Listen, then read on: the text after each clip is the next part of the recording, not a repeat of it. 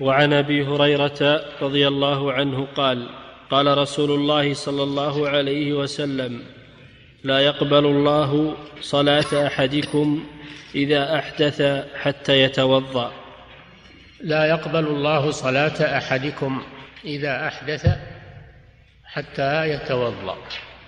لا يقبل الله أي لا تكون صح صلاته صحيحة متقبلة عند الله مجزئة مبرئة لذمته إذا أحدث حتى يتوضأ. هذا دليل على أن الطهارة شرط لصحة الصلاة مع القدرة. إذا كان يقدر على الطهارة بالماء أو بالتراب فإن صلاته لا تصح إلا بذلك. أما إذا كان لا يقدر على الماء ولا على التراب إنسان محبوس في مكان ولا عنده ماء ولا تراب ولا عنده أحد أو مريض على على سرير ما يستطيع الحركة ولا القيام ولا عنده أحد يجيب له تراب والصلاة سيخرج وقتها فلا بأس. هذا يصلي على حسب حاله ولو بدون طهارة. قوله تعالى فاتقوا الله ما استطعتم. قول النبي صلى الله عليه وسلم إذا أمرتكم بأمر فأتوا منه ما استطعتم فلا يترك الصلاة. صلي على حسب حاله ولو بدون طهارة بالماء ولا بالتراب. أما إذا كان يقدر على الماء فلا بد من الماء. إذا كان يقدر على التراب ولا يقدر على الماء فلا بد من التراب. قوله صلى الله عليه وسلم لا يقبل الله صلاة أحدكم. معناه أنها غير صحيحة وغير مقبولة عند الله عز وجل. إذا أحدث يعني حصل منه حدث.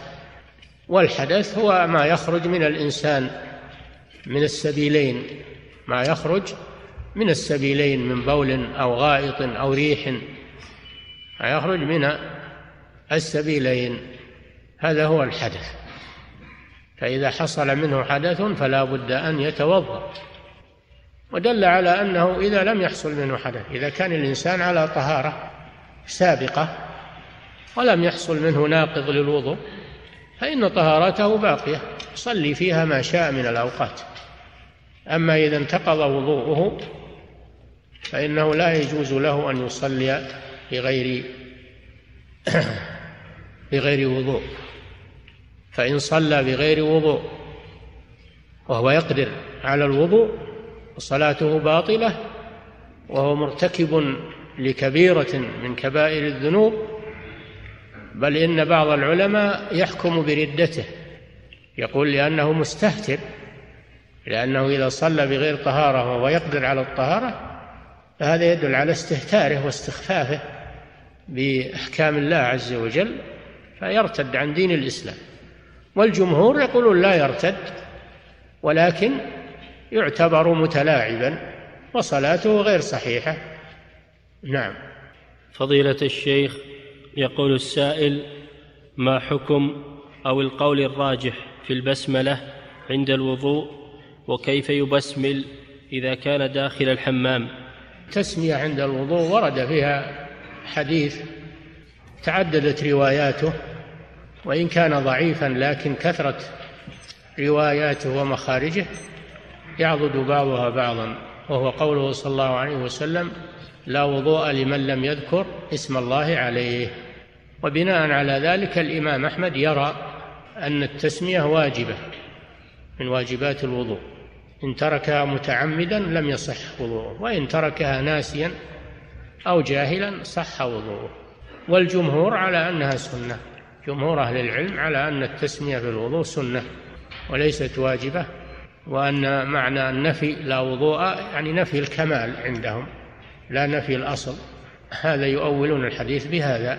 والتسمية في الحمام الذي ليس فيه نجاسة وليس فيه إنما هو مجرد مكان لقضاء الحاجة ثم يرسل عليها الماء وتذهب ولا يبقى لها أثر. هذا لا يأخذ حكم الكنف والحشوش لأن الحشوش والكنف هي التي تكون النجاسة موجودة فيها ولا تذهب. أما مسألة دورات المياه اليوم فهذه اختلفت. صارت تنظف ويذهب البول والغائط يذهب مع الماء ولا يبقى لهما أثر. الأمر في هذا أخف يسمي عند الوضوء ولو كان في دورة المياه. نعم. يهاجر إلى المكان الذي فضيلة الشيخ يقول السائل هل يجوز لشخص توضأ لصلاة الظهر مثلا واستمر على وضوئه حتى صلاة العصر ولم ينوي في وضوئه الأول إلا الظهر. هل له أن يصلي العصر؟ نعم له أن يصلي ما دام وضوءه باقيا لم ينتقض. له أن يصلي عدة صلوات ما دام أن وضوءه لم ينتقض. إلا أن العلماء يقولون يستحب له التجديد. إذا توضأ وصلى بهذا الوضوء ثم أراد أن يصلي فريضة أخرى يستحب له التجديد ولا يجب عليه ذلك لأنه يؤخذ من الحديث الذي مر بنا لا يقبل الله صلاة أحدكم إذا أحدث حتى يتوضأ. فمفهومه أنه إذا كان على وضوء ولم يحدث أنه يصلي عدة صلوات. نعم. فضيلة الشيخ يقول السائل هل يكفي جريان الماء؟ هل؟ يكفي جريان الماء على العضو في الغسل. نعم. يكفي. إذا جرى الماء على البدن في الغسل فإنه يكفي. الدلك إنما هو سنة. نعم. أحسن الله إليك. فضيلة الشيخ قلتم إن إزالة النجاسة من التروك. فما معنى التروك؟ وهل يقابلها شيء؟